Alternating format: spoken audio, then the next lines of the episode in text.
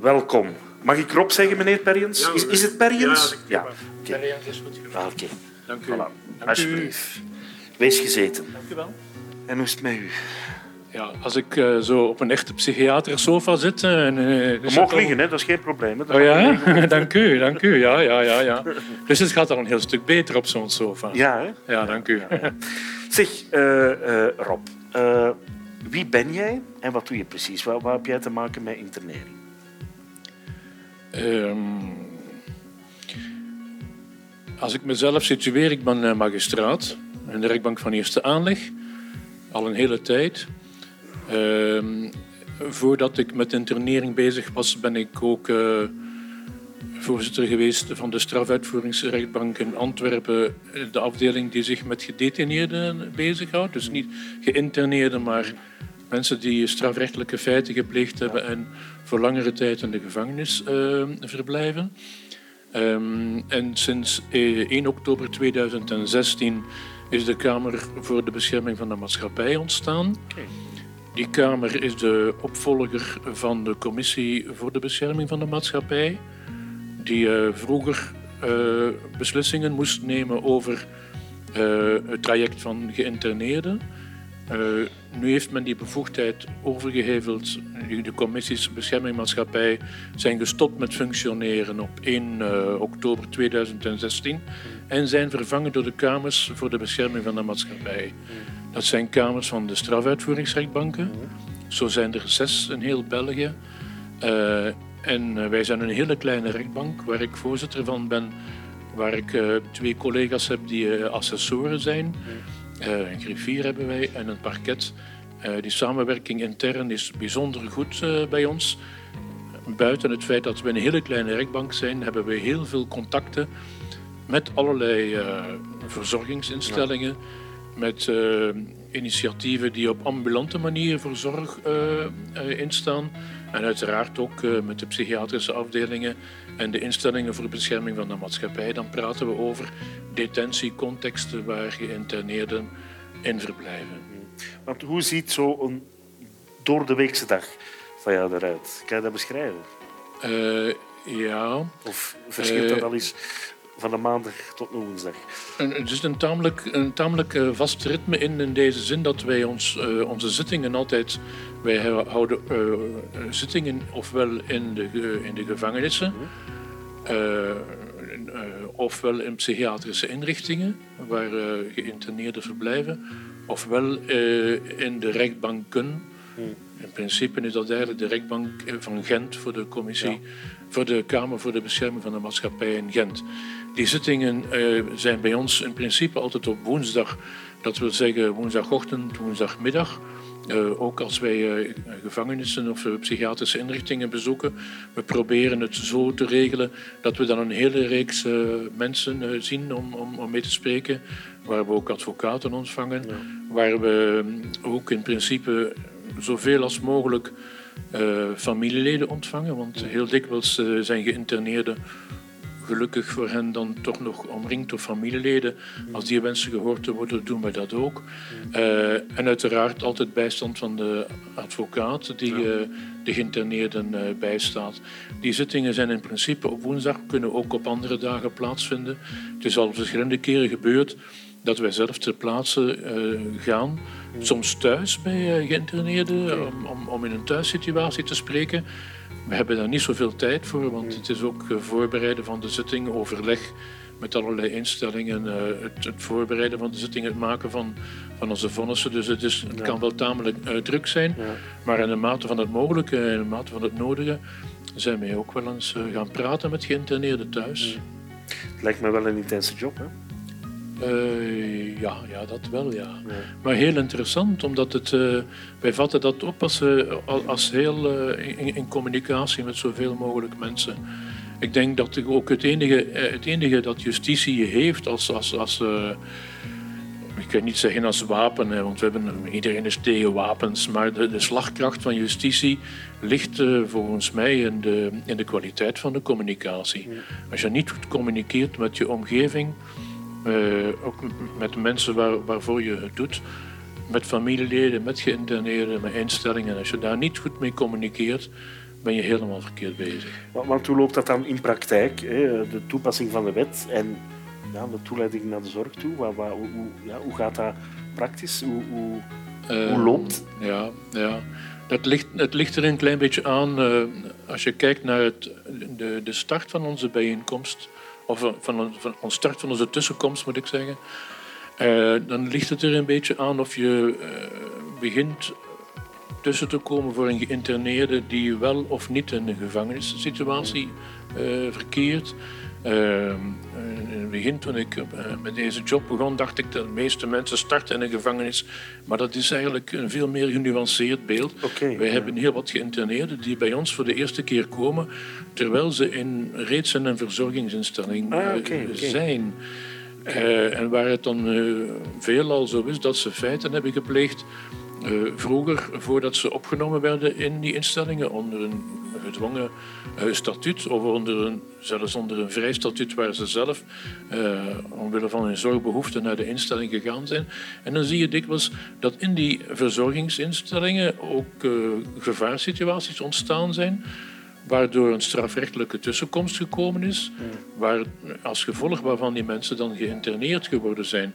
Maar omdat ze dan in een zorgsituatie zitten, starten ze dikwijls bij ons terwijl ze in die verzorgingssituatie zitten, omdat men in de instellingen zegt van dat is nog leefbaar, wij kunnen verder met deze mensen.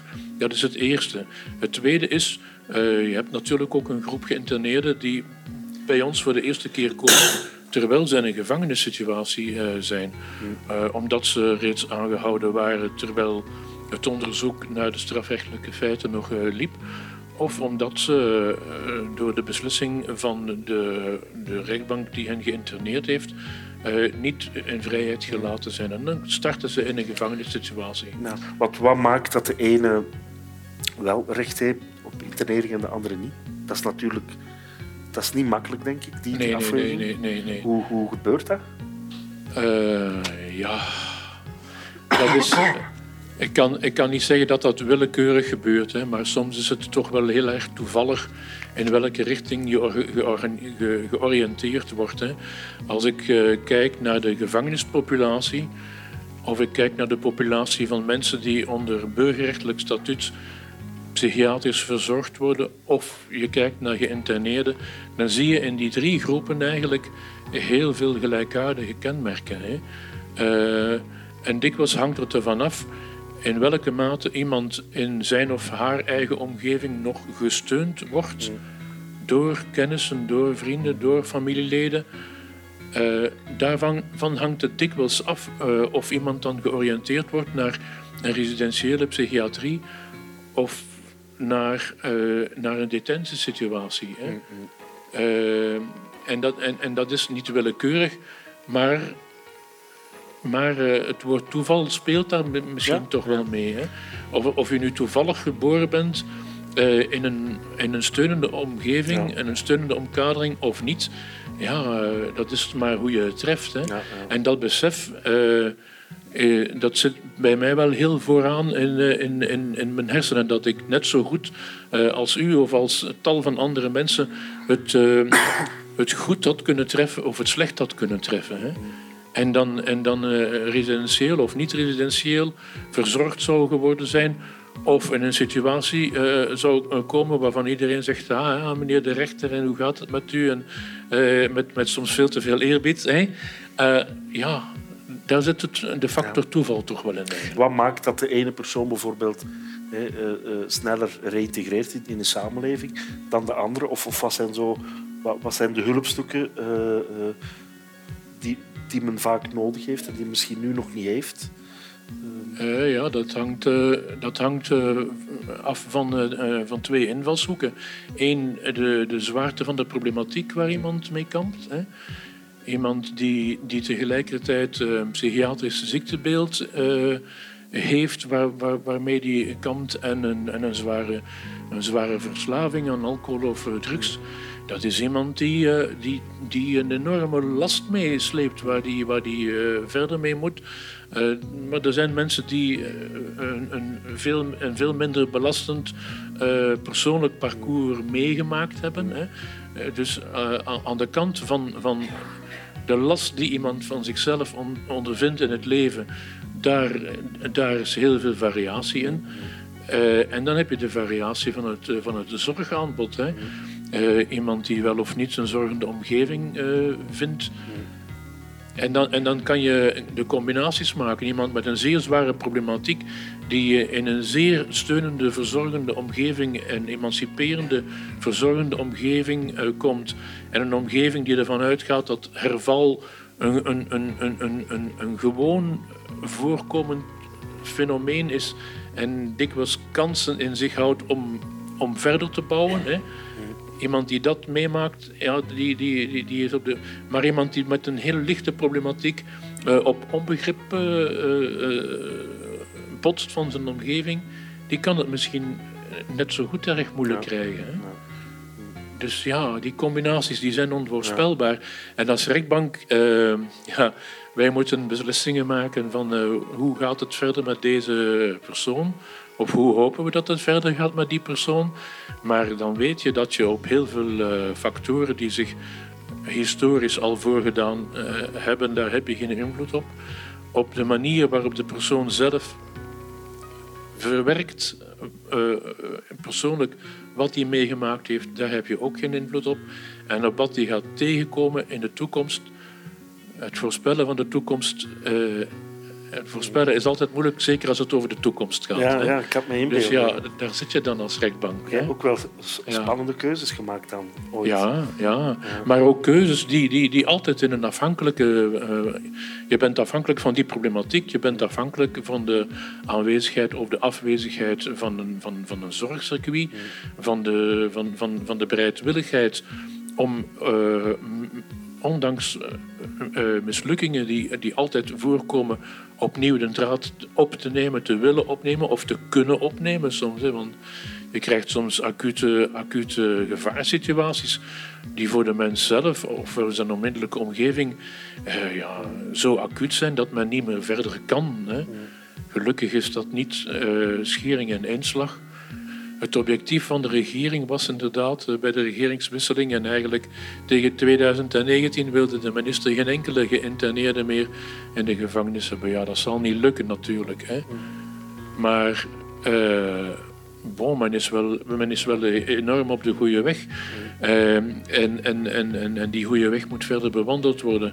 Die goede weg, dat wil zeggen uh, ook de mogelijkheid geven aan een beslissende instantie, zoals een rechtbank, om als het echt fout loopt, om, uh, om, om te zien dat er alternatieven zijn dan iemand terug te sturen naar een detentiesituatie. En dat kan meer en meer omdat de psychiatrische inrichtingen en ook de ambulante zorgsector uh, zich aan het organiseren zijn uh, in, in, in de richting van uh, we bieden alternatieven. We bieden meer en meer crisismodules, time-out modules onderlinge samenwerking, waardoor mensen van de ene zorginstelling voor een time-out situatie naar een andere zorgsituatie uh, kunnen, kunnen gaan. Waardoor het veel minder dan, dan vroeger, dan enkele jaren geleden al, veel minder nodig is om mensen omwille van een zorgnood en omwille van een veiligheidsproblematiek terug te sturen naar de gevangenis. Dus de return naar de gevangenis loopt terug. Ja door het uh, toenemen van zorgcapaciteit. We zijn er nog lang niet. Hè? Het is geen hoera-verhaal. Hè?